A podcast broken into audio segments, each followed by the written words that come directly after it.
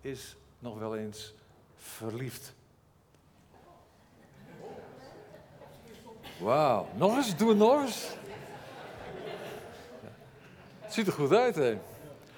En als je nou zeg maar tussen de 12 en de 18 bent, wie is er dan wel eens verliefd? Ah, kom op. Hey.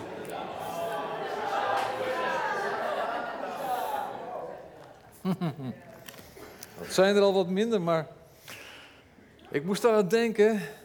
Je zult maar een jaar of 12, 13, 14 zijn. Verwachtingsvol in het leven staan. En dan toch al weten hoe de rest van je leven er gaat uitzien. Wow, zo jong nog. Ik heb het over Maria. Zo jong nog. Ik heb even opgezocht, staat natuurlijk niet in de Bijbel hoe oud ze was, maar mensen die er verstand van hebben, die gingen ervan uit dat ze misschien wel 12 is geweest, tot een jaar of 14. En dat ze eigenlijk wachten op het moment van de gelofte tot zij een jaar of 16 was en Jozef een jaar of 18. Gelukkig is ze best verliefd op hem. Ze ziet hem graag en ze ziet haar toekomst ook zonnig in. Ze is dankbaar naar God toe voor al die zegeningen die over haar leven gegeven worden. En dan gebeurt er dit. Zullen we samen eens lezen in Lucas.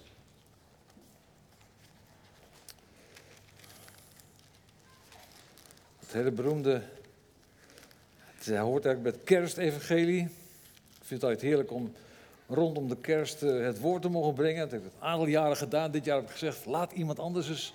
Maar kon niet later om toch uh, voor die tijd dan al iets uh, te doen rondom de kerst. Nou, kerst, kerst. Even kijken. 26, Lucas 1. In de zesde maand nu werd de engel Gabriel van God gezonden naar een stad in Galilea genaamd Nazareth tot een maagd die ondertrouwd was met een man genaamd Jozef uit het huis van David. En de naam van de maagd was Maria. En toen, ze, toen hij bij haar binnengekomen was, zeide hij: Wees gegroet, gij begenadigde, want de Heere is met u. Zij ontroerde bij het woord en zij overlegde welke de betekenis van die groet mocht zijn. De engel zei tot haar: Wees niet bevreesd, Maria, want gij hebt genade gevonden bij God. En zie, gij zult zwanger worden en een zoon baren. En gij zult hem de naam Jezus geven. Deze zal groot zijn en zoon van de Allerhoogste genoemd worden. En de Heere God zal hem de troon van zijn vader David geven. En hij zal als koning over het huis van Jacob heersen tot in eeuwigheid. En zijn koningschap zal geen einde nemen. En Maria zeide tot de engel: Hoe zal dat geschieden, daar ik geen omgang met een man heb? En de engel antwoordde en zeide tot haar: De Heilige Geest zal over u komen en hij zal u overschaduwen. Daarom zal ook het Heilige dat verwekt wordt, zoon van God genoemd worden. Zie, Elisabeth, uw verwante, is eveneens zwanger en uh, zwanger van een zoon in haar ouderdom. En dit is reeds de zesde maand voor haar die onvruchtbaar heette. Want geen woord dat van God komt zal krachteloos wezen. En Maria zei: Zie, de dienstmaagd van de Heere, mij geschieden naar uw woord. En de engel ging van haar heen. En dan heeft ze gehoord dat haar tante Elisabeth zwanger is. Ook een wonder, want dat gebeurde gewoon niet. Die was al in hoge leeftijd. En Maria zei, weet je wat, ik ga erheen. Ik ga erheen. En dan staat er in vers 47. Eh, dan is ze bij Elisabeth geweest. En dan lees je dat gedeelte van Elisabeth die zwanger is en dat kind dat springt op op het moment dat, dat, dat, dat Maria in de buurt komt. En dan ervaart ze wat Maria bij zich draagt, dat is heel bijzonder. En dan, uh, ja, dan, dan, dan, dan gebeurt er iets met Maria en dan zegt ze in vers 47, mijn ziel maakt grote Heer. Misschien zong ze ook wel, hier staat Maria zeide, mijn ziel maakt grote Heer. En mijn geest heeft zich verblijd over God, mijn heiland. Omdat hij, mij, omdat hij heeft omgezien naar de lage staat van zijn dienstmaagd. Want zie, van nu aan zullen mij zalig eh, prijzen, alle geslachten, omdat grote dingen naar mij gedaan heeft, de machtige. En heilig is zijn naam en zijn barmhartigheid van geslacht tot geslacht voor wie hem vrezen. Hij heeft een krachtig werk gedaan door zijn arm. En hij heeft hoogmoedigen in de overlegging van hun hart verstrooid. Hij heeft de machtigen van de troon gestort, eenvoudigen verhoogd. En hongerigen heeft hij met goederen vervuld. Rijken heeft hij ledig weggezonden. Hij heeft zich Israël, zijn knecht, aangetrokken om te gedenken aan de barmhartigheid, gelijk hij gesproken heeft, tot onze vaderen voor Abraham en zijn nageslacht tot in eeuwigheid. Dan spreekt ze die woorden uit. Mijn ziel maakt groot de Heer. Wat een geweldig lied van dit jonge meisje. We weten dus niet precies hoe, hoe jong ze is geweest, maar wij zouden zeggen, als het een jongen was geweest, wat een snaak. Ik weet niet hoe je het in een meisje zegt, maar een jong meisje. Ze reageert met deze lofprijs en met deze aanbiddingen. Dat is heel bijzonder. Nadat de engel bij haar geweest was, het zal je ook maar gebeuren natuurlijk. Je bent bezig om in je huisje, misschien hielp ze haar ouders, haar moeder, in het huisje. Misschien was ze al wel bezig, ze was misschien verloofd en met een, een, een trouwjurk of iets moois eh, te maken. En ineens staat die engel daar, bam. Al het, het, het, huis wordt verlicht en er gebeurt van alles. En zij reageert met lofprijs en aanbidding op de aankondiging van de engel die bij haar was geweest. En het laat zien dat ze gelooft wat de engel Gabriel heeft gezegd. Je kunt waarschijnlijk ook niet anders dan als je ineens zo'n engel ziet. Je kunt wel soms een idee hebben van, ik geloof dat God iets zegt, maar ja, als er dan zo'n engel voor je staat die het uitspreekt, wow, dan neem je dat natuurlijk helemaal aan. Mijn ziel maakt grote Heer en mijn geest heeft zich verblijd over God. Nou, laten we vanmorgen dus kijken naar aanbidding, dankzegging en lofprijs. In aanbidding komen wij in contact met God. In contact met Gods heiligheid. Heel in het kort. In lofprijs richten we ons op Gods grootheid. En in dankzegging kijken we naar Gods goedheid. Er zijn drie begrippen in de Bijbel die veel met elkaar te maken hebben. Soms overlappen ze elkaar ook. Maar ze zijn verschillend en hebben toch elk een eigen identiteit. Soms ben je in aanbidding, soms heb je die lofprijs in je hart. En soms dan, ja, dan is er niet anders dan dankbaarheid wat je uitspreekt. En natuurlijk heeft het heel veel met elkaar te maken. Het Hebreeuwse woord shacha betekent zowel buigen als aanbidding. Het is, dus het woord uh, voor aanbidding in de Bijbel heeft ook iets lichamelijks. Je zet jezelf in beweging, er gebeurt iets. Je buigt je hoofd, je valt op je knieën of je buigt je hele lichaam voorover. Of zoals het woord wel eens zegt, de priesters vielen in voorover uh, in aanbidding, plat op de grond. Het woord shacha, het, het woord wat in de, het Nieuwe Testament daarvoor gebruikt wordt, is proskuneo. Je lichaam laat een geestelijke realiteit zien. De menselijke geest buigt zich voor God en geeft zich aan Hem over. Dus het is eigenlijk heel belangrijk om ook je lichaam te gebruiken. Hier vanaf het podium moedigen we mensen wel eens aan. Ga staan of ga dansen of, of hef je handen omhoog. Ja, we zijn... Ik had eigenlijk die gedachte ook naar Limburg verhuisde, dat het hier anders was. Maar het is hier ook nog een beetje, altijd een beetje Hollands. Hè, zo van, mm, geen gekke dingen doen. Maar de Bijbel zegt het dus. Opnieuw willen we u uitnodigen. Gebruik je handen, je armen, je vingers, je tenen. Je lichaam gewoon. Ga lekker dansen. Wauw, tuurlijk. We hebben alle ruimte hier. Dankzegging. Het Hebreeuws woord is toda. Wat in het kort betekent bedankt. Dus dat is eigenlijk het, het Hebreeuwse woord voor dankzegging. Bedankt. Bedanken is ook verbonden aan lofprijs. Onze lofprijs wordt inderdaad gevoed door dankbaarheid. Je gaat lofprijzen omdat je Gods goedheid ervaart. Zoals Maria ook. Wauw, hij heeft grote dingen naar mij gedaan. Hem danken voor wat hij heeft gedaan.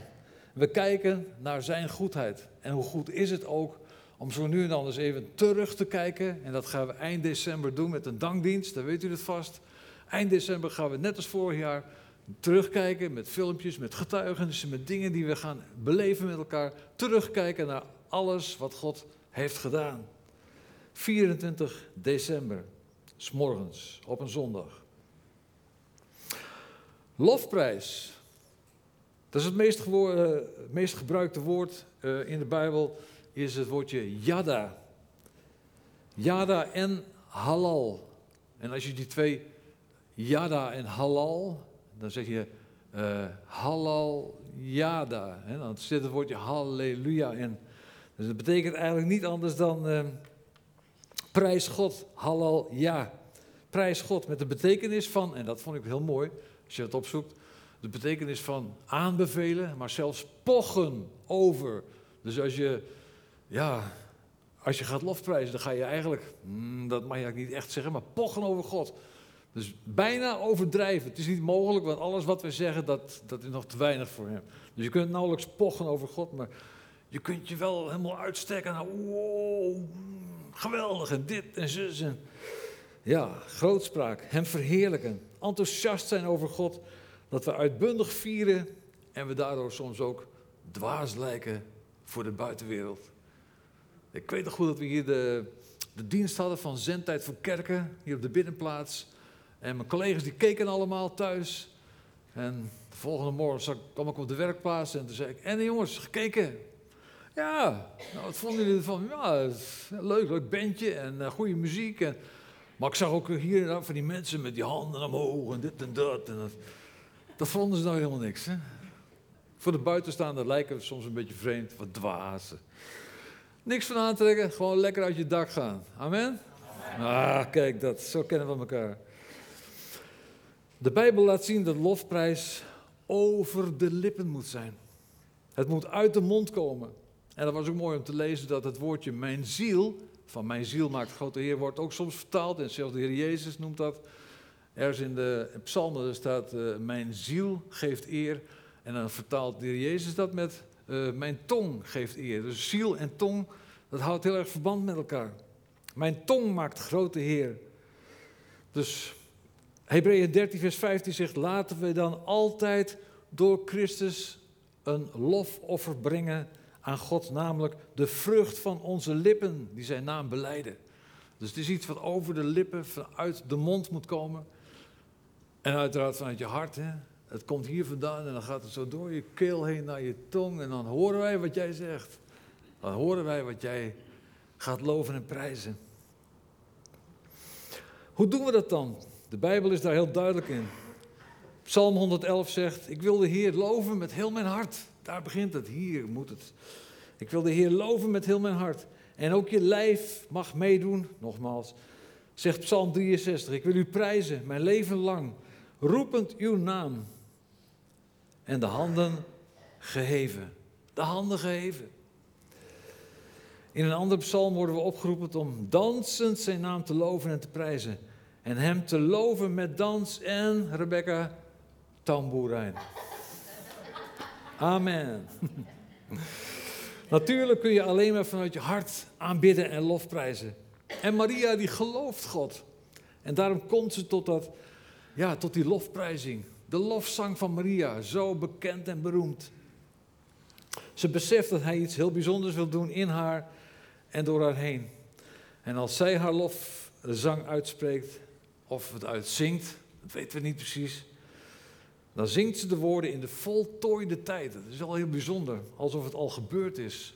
Ze ziet als het ware uh, voor haar ogen datgene wat, ja, wat gebeuren gaat. Dat er een ommekeer komt in de hele situatie.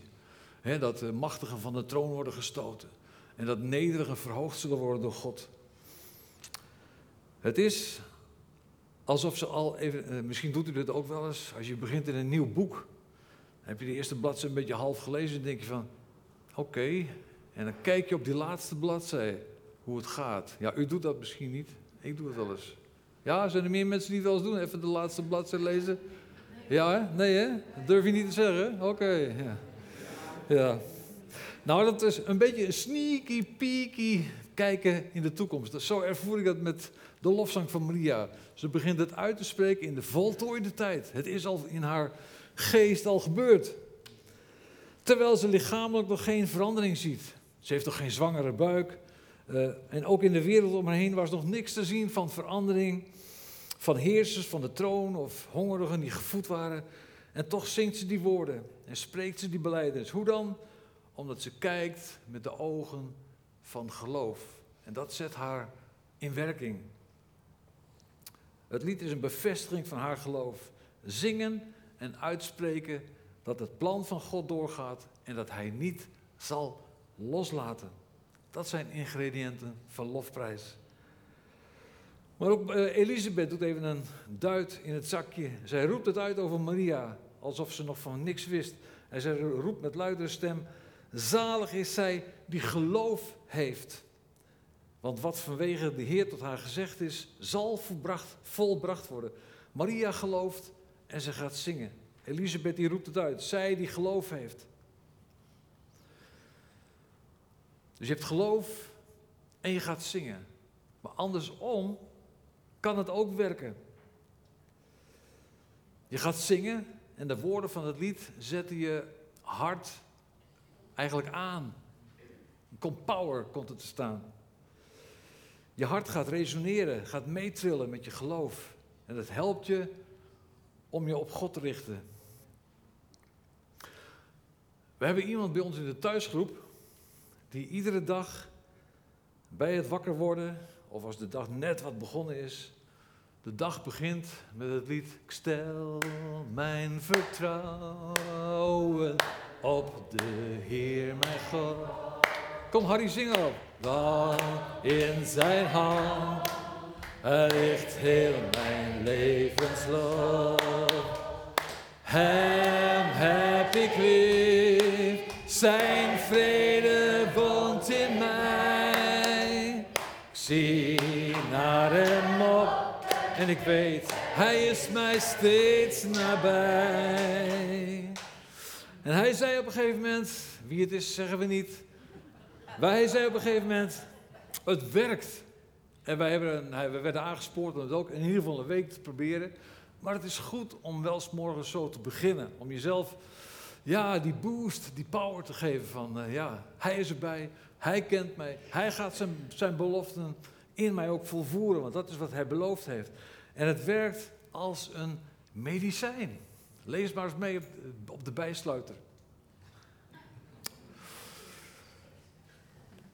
Op de bijsluiter staat, bij voorkeur moet je dit s'morgens gebruiken. Het medicijn mag zonder limiet genomen worden, bij behoefte. En het werkzame bestanddeel in dit medicijn is de Biblia Sacra Vulgata. En dat betekent, dat is de Bijbel voor het gewone volk. Het medicijn kan de rijvaardigheid beïnvloeden. Want als je met geheven handen in je auto gaat zitten en je ogen dicht hebt, dan gaat het niet goed. Dus je mag het wel zingen, maar blijf nuchter. Als dat kan. Of anders moet je op de... Nee, fietsen is ook niet goed, hè? Ga je lekker wandelen in het verkeer? Nou goed. Handelingen 16. Dat vertelt het verhaal van Paulus en Silas in de uh, gevangenis, in de kerker. De ruggen zijn rood van de striemen. Ze zijn vastgeketend en streng bewaakt in het onderste, in het zwaarste gevang wat er was. En om middernacht begonnen ze te bidden en lofliederen te zingen voor God. En plotseling was daar een hevige aardschok. Zodat de deuren van de gevangenis zich openden en de ketenen afvielen. God greep in door een wonder. Was dat misschien ook hun bedoeling geweest toen ze gingen bidden en lofprijzen? Dat stond er niet bij. Ze hebben niet gedacht van, laten eventjes, dat hoor je tegenwoordig wel eens vaker, hè? Oh, we gaan even praisen. We gaan even prezen. Ja, dat slaat echt helemaal nergens op. Gewoon van, van oh, laten we even een uurtje lekker wat. Dan is het meer van, oh, wat voel ik me goed. Maar goed. Um, het was niet hun bedoeling dat ze door die lofprijs de aardschok zouden veroorzaken bij God. Of door God. Nee, ze prezen God omdat Hij bij hun was. Dat wisten ze. Hij is bij ons. Hij kent onze situatie, hoe moeilijk het nu ook is. Hij heeft een plan en hij gaat door met zijn werk. Hij weet van mijn situatie af Maar het resultaat, dat was verbluffend. Daarom, onze motivatie moet ook oprecht zijn. Je kunt niet zeggen, ik ga lofprijzen, want ik wil dit, dat, dat God dit bereikt of dat God dit doet in mijn leven. Lofprijs moet gevoed worden vanuit het hart van dankbaarheid. He? Daar gaat het om. Zelfs als we het moeilijk vinden om te bidden of te zingen, dan kunnen we Hem toch danken voor Zijn goedheid in ons leven. Misschien moet je soms even terug in je hoofd van wat is er vandaag geweest, wat was er gisteren, wat is er afgelopen week, wat voor zegeningen zijn er geweest. God is goed en Hij blijft goed. En dat moeten we voor ogen houden. De laatste keer dat ik hier stond had ik een preek over Job. En over uh, thank you for the pain. Dat vond ik allemaal heel erg moeilijk om daarvoor te danken. Maar God is goed. God is goed. Het lijkt wel dat de uitwerking van lofprijs altijd iets bewerkt in de hemelse gewesten, de onzichtbare wereld. Maar ook dat onze lofprijs God eert en de baan of de weg baant, zodat God ons zijn heil laat zien. Psalm 50. Het is soms ben je de weg kwijt. Dan soms ben je de weg kwijt en weet je het even niet. Dan zijn er zoveel dingen in je, in, in, in je leven die gebeuren. afgelopen tijd zie ik bijvoorbeeld bij Greetje, uh, word ik s'nachts wel eens wakker en dan zie ik dat ze aan het huilen is. Overdag, dan wordt ze wakker in een hele rare droom, als ze eventjes een middagslaapje heeft gehad. En dan huilt ze en dan is er moeite en pijn en is er gewoon verwarring en dan weet ze het ook niet en ik weet het ook niet. En dan kunnen we eigenlijk niet anders doen dan, Heere God, moeten we dan doen? We, we willen u prijzen en loven en dat doen we dan. Soms wat meer dan de andere keer, maar lofprijs baant de weg dat we het heil weer zien. Dat, we weten, God wil ons leven leiden. En God wil, wil toch helpen in die moeilijke situatie. We begrijpen er helemaal niks van. Maar God wil helpen in situaties. Er gebeurt zeker iets als we de grootheid van God beleiden. En het ook uitspreken. Maar wel, zoals gezegd, met de juiste intentie en toewijding. Gaat het om God of gaat het om het resultaat? Dat willen we eigenlijk ook wel eens. Mooi is als het allebei gebeurt. God prijst en weet van, oh, hij geeft die doorbraak. En denkend daaraan, zijn er ook kinderen onder de twaalf hier? Nee, hè? Oké, het gaat even over Sinterklaas. Oh, daar. Oh, Sandra. Ja, nee, nee, nee, nee. Denkend daaraan zie ik een kind dat in de Sinterklaastijd ineens zijn kamertje gaat opruimen. Papa eens lief aanhaalt. Papa, zal ik het voetballen voor je aanzetten? Zonder morgen op tijd naar bed gaat. Papa, kan ik nog iets voor je doen? Iets voor je betekenen? Moet ik de wielen van je auto nog poetsen? Moet ik de olie nakijken? En in gedachten zie ik die snaak al staan. Of, of ziet hij zichzelf al staan met een stapel cadeaus omdat zo'n lief, zo gehoorzaam en lief was. En hij hoopt dat iedere keer, als hij zo zijn, zijn goedheid en zijn liefde en, toewijding toont, dat er weer een cadeautje bij komt. En nog een groter cadeau. Nou, zo moet het dus ook niet, zijn, hè. Dat is natuurlijk niet onze hartsgesteldheid naar God toe. Maar toch laat de Bijbel ook zien dat de uitwerking van lofprijs een wapen is in de hemelse gewesten. Ik denk aan koning Jozefat uit 2 Kronieken 20. Ineens staat het volk voor het voldongen feit, en hoe actueel kan het soms zijn wat je leest, voor het feit dat drie vijandige volken Israël willen aanvallen. En daar staat dus een mooi, ja mooi, de koning schrok dat het gebeurde. Hij had het gehoord. De koning schrok. En hij riep het volk op om te bidden. En ze kwamen bij elkaar. En ze baden. En ze riepen de Heer om hulp. Wij zijn niet opgewassen tegen deze grote menigte die tegen ons opgerukt is. En wij weten niet wat we moeten doen. Maar op u zijn onze ogen gevestigd. En dan spreekt God door de leviet uh, Jazagiel. Jagaziel. En hij spreekt, trek op, neem uw plaats in, blijf staan en zie dat de Heere u de overwinning gaat geven. En koning Jozefat geloofde God. En de volgende morgen gaf de koning de opdracht om de zangers, de levieten, voor het leger te plaatsen. En zo de strijd ja, in te gaan. Te gaan staan op de plaats waar God had gezegd waar ze moesten gaan staan. En zo te zien dat God de overwinning zou geven. Koning Jozua, of uh, Jozefat geloofde dat. Ik hoop dat de Levieten het ook geloofden. Zij moesten daar vooraan gaan staan. Je zult dan vooraan staan en het niet vertrouwen. Je staat er dan toch maar. Hij gaf die opdracht om de zangers vooraan het leger te zetten. En God gaf de overwinning. Ze stonden daar. En het was niet, we staan hier en we doen niks. Maar ze stonden daar en ze begonnen loflieden te zingen. Dank de Heer, want zijn goede tierenheid blijft altijd bestaan.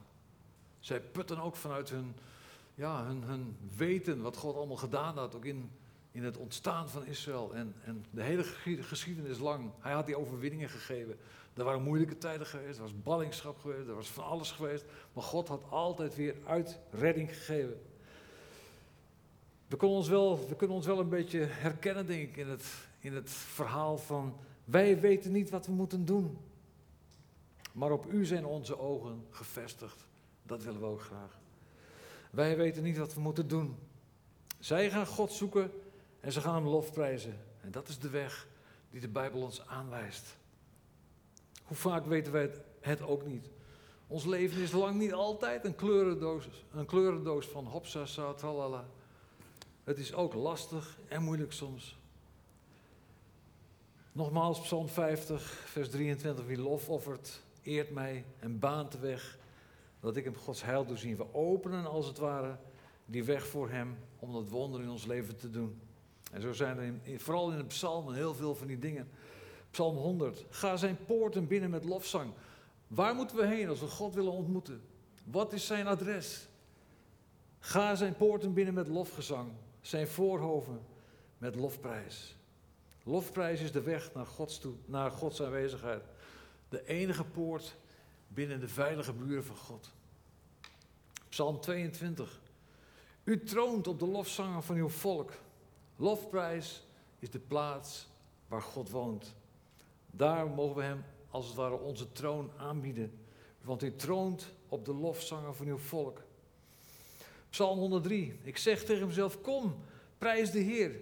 Prijs Hem met alles wat je hebt. Kom, prijs de Heer. Ik wil niets vergeten van wat Hij heeft gedaan. Dankzegging, het voedt de lofprijs.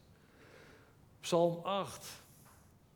Kleine kinderen en baby's, die weten hoe ze u moeten lofprijzen een lofoffer brengen. Want zo legt u uw vijanden het zwijgen op. U snoert hun daarmee de mond. Kleine kinderen en baby's. Lofprijs. Geen wonder dat de vijand een hekel heeft aan lofprijzing. Want hij weet dat zijn mond gesnoerd wordt op het moment dat we de Heer gaan loven en prijzen vanuit ons hart. Amen. Ja, zeker. In Hebreeën 13 komt hij weer, laten we dan altijd door Christus een lofoffer brengen aan God, namelijk de vrucht van onze lippen die zijn naam beleidt. We hebben drie goede redenen om altijd de Heer te loven en te prijzen. Eén, Hij is goed. Twee, Zijn genade duurt voor eeuwig. Er zit geen limiet aan van deze aanbieding is geldig tot volgende week zondag. Nee, zijn waarheid houdt eeuwig stand. Hij is goed, zijn genade duurt voor eeuwig, zijn waarheid houdt eeuwig stand. En als je deze drie dingen ervaart in je leven, of gelooft in je leven, beleidt in je leven, dan brengt je hart de ware lofprijs voort. En dat is belangrijk, dat het vanuit het hart gaat gebeuren. Dat je, ja, je geest, eh, je emotie, uh, je gevoel, maar ook die verbinding met God, dat die hierbij betrokken is. Want anders dan zijn het alleen maar woorden. En ik moet denken aan, ik heb het ooit als ik eerder verteld hier, ik moet denken aan iemand die bij ons in Leeuwarden in de, in de kerk terecht kwam. En uh, hij kwam een aantal weken en hij leerde steeds meer ja, horen hoe, hoe, de dingen gebeuren allemaal. Hij hoorde de mensen bidden, hij hoorde de mensen zingen. En hij wist op een gegeven moment ook dat talen Kanaans. Hij wist dat hij moest zeggen van prijs de Heer. En het leek een bekering. Totdat hij op een gegeven moment bij iemand thuis kwam en, eh, en zei van, kun je mij misschien helpen? Want ja, er zijn mensen die zitten achter me aan en die moet ik betalen. En anders dan uh, gebeurt het niet. En ik, heb nou, nou, mijn leven aan God gegeven, dit en dat. En uh, de man waar je heen was gegaan om dat te vragen, die was wijs genoeg. Die zei, dan ga ik wel met je mee. Dan ga ik wel helpen dat dat geld betaald wordt. Het was niet zo heel veel, maar... Nee, dat hoefde niet. Hij hoefde niet mee, als hij dat geld maar kreeg. Nou, uiteindelijk kwam hij zelf ook met, het, uh, met de eerlijkheid van... ja, ik gebruik drugs, ik heb gewoon geld nodig. Daarvoor ben ik ook hier in de kerk gekomen, mensen aanspreken.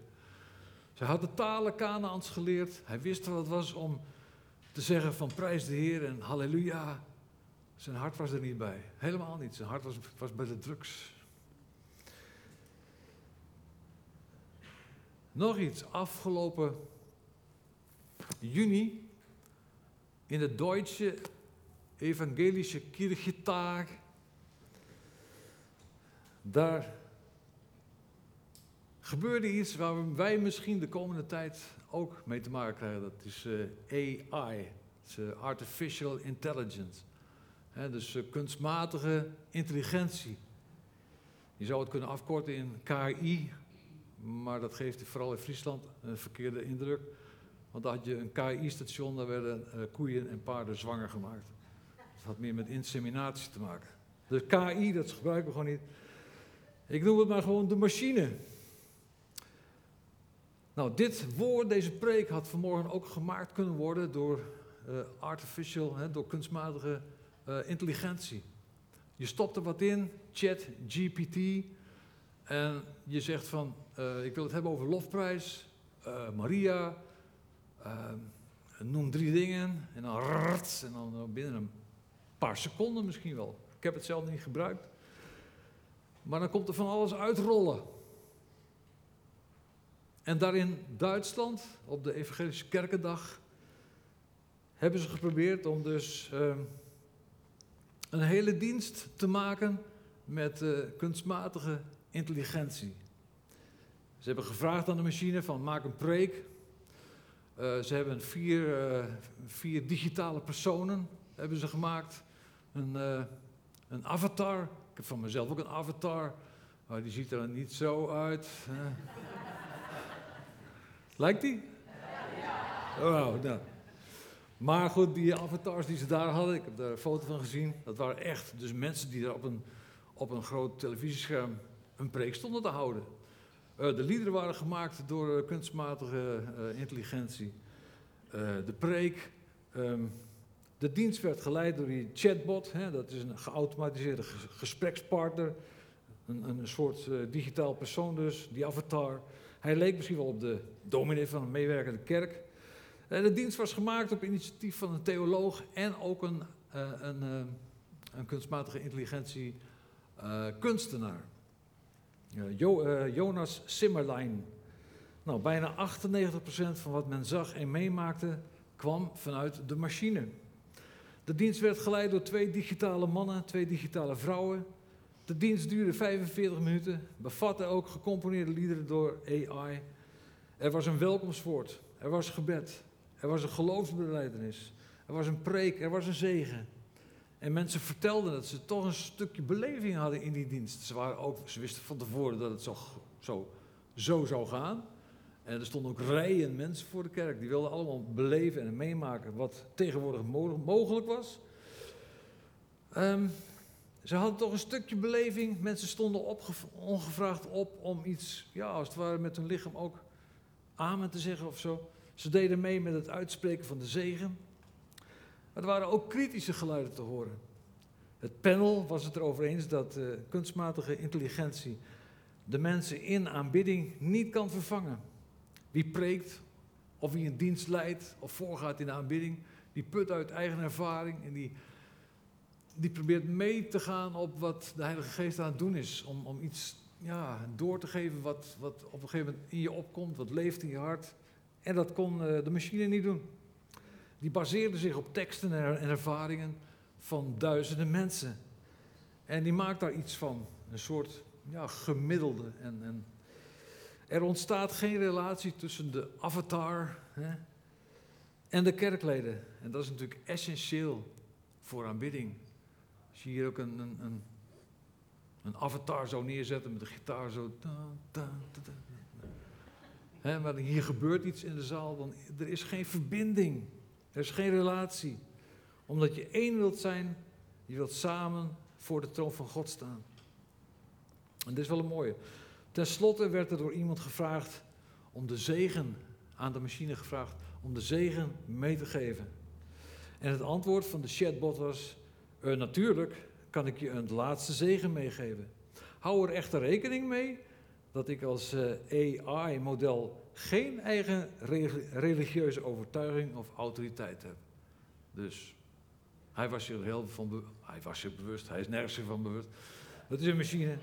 Maar het was een, een, echt een goed antwoord natuurlijk. Hij had totaal geen relatie, geen, geen verbinding met God.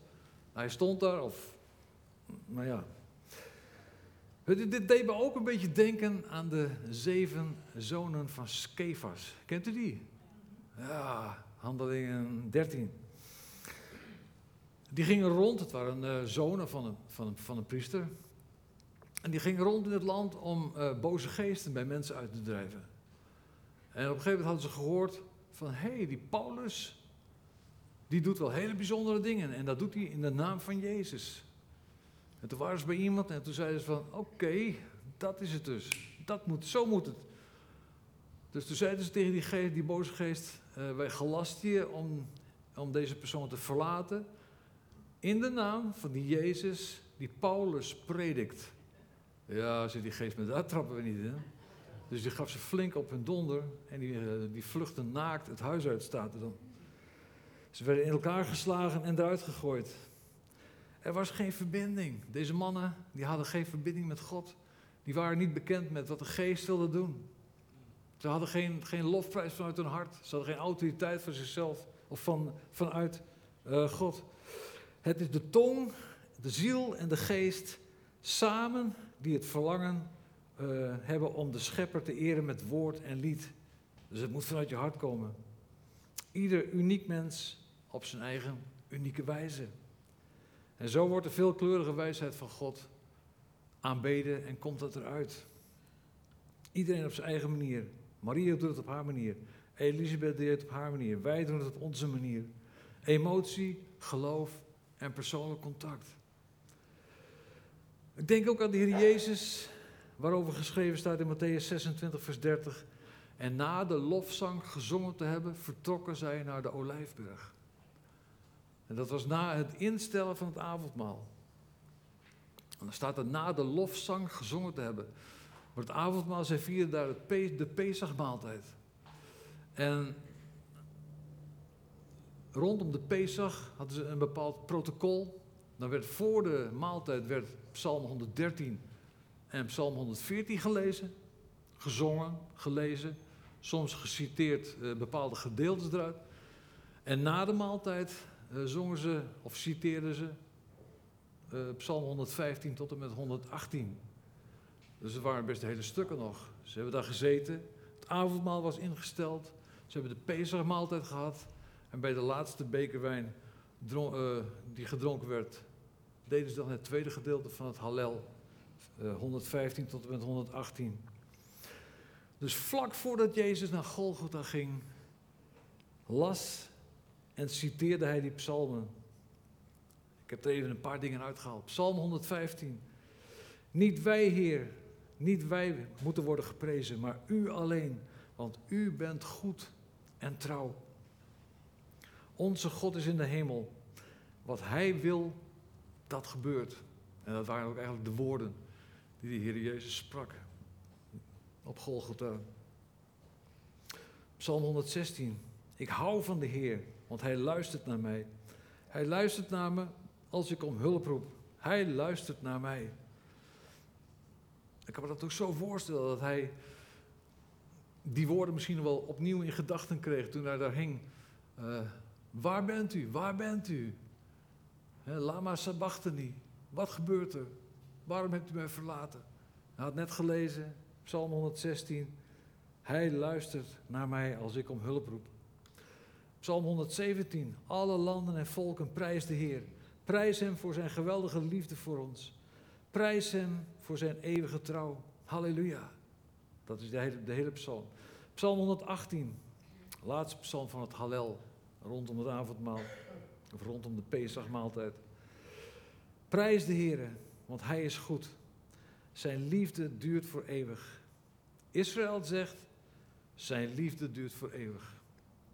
De priesters zeggen, zijn liefde duurt voor eeuwig. Commissie zegt, zijn liefde duurt voor eeuwig. En Commissie zegt nog een keer, zijn liefde duurt voor eeuwig. Als je ontzag hebt voor de Heer, zeg, zijn liefde duurt voor eeuwig. We willen samen het avondmaal gaan vieren. Avondmaal is ook, het gebruiken van het avondmaal is als het ware ook een lofprijs naar God toe. Het is iets wat we, wat heel bewust doen, heel bewust moeten doen ook. Omdat het hem alles gekost heeft. Maar het is ook een lofprijs, het is een aanbieding. Want in het, het nemen van het avondmaal zeg je van... Oké Heer, ik, ik, ik heb een vernieuwd leven. Of er zijn dingen die vernieuwd moeten worden. Er zijn dingen die moeilijk zijn, maar ik, mijn leven is in uw hand. Dat zeg je met avondmaal. Je doet het niet klakkeloos. Het moet iets zijn wat bewust tot je komt. Wat bewust in je mond gaat. Wat bewust vermalen wordt. En dan mogen we denken aan het lichaam van de Heer Jezus. Dan mogen we denken aan, aan zijn geweldige offer wat hij gebracht heeft. En dan mag het een, eh, een lofprijs zijn voor hem. Misschien dat ik uh, Rijn en Bertha mag uitnodigen om het avondmaal met ons uit te delen.